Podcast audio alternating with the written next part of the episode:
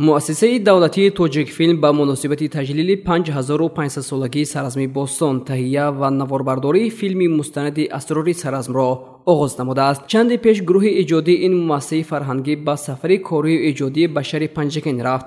Зимни сафар гурӯҳи иҷодӣ аз макони ҳафриёти саразми бостон осорхона ва шаҳри панҷакенди қадимӣ наворбардорӣ намуд.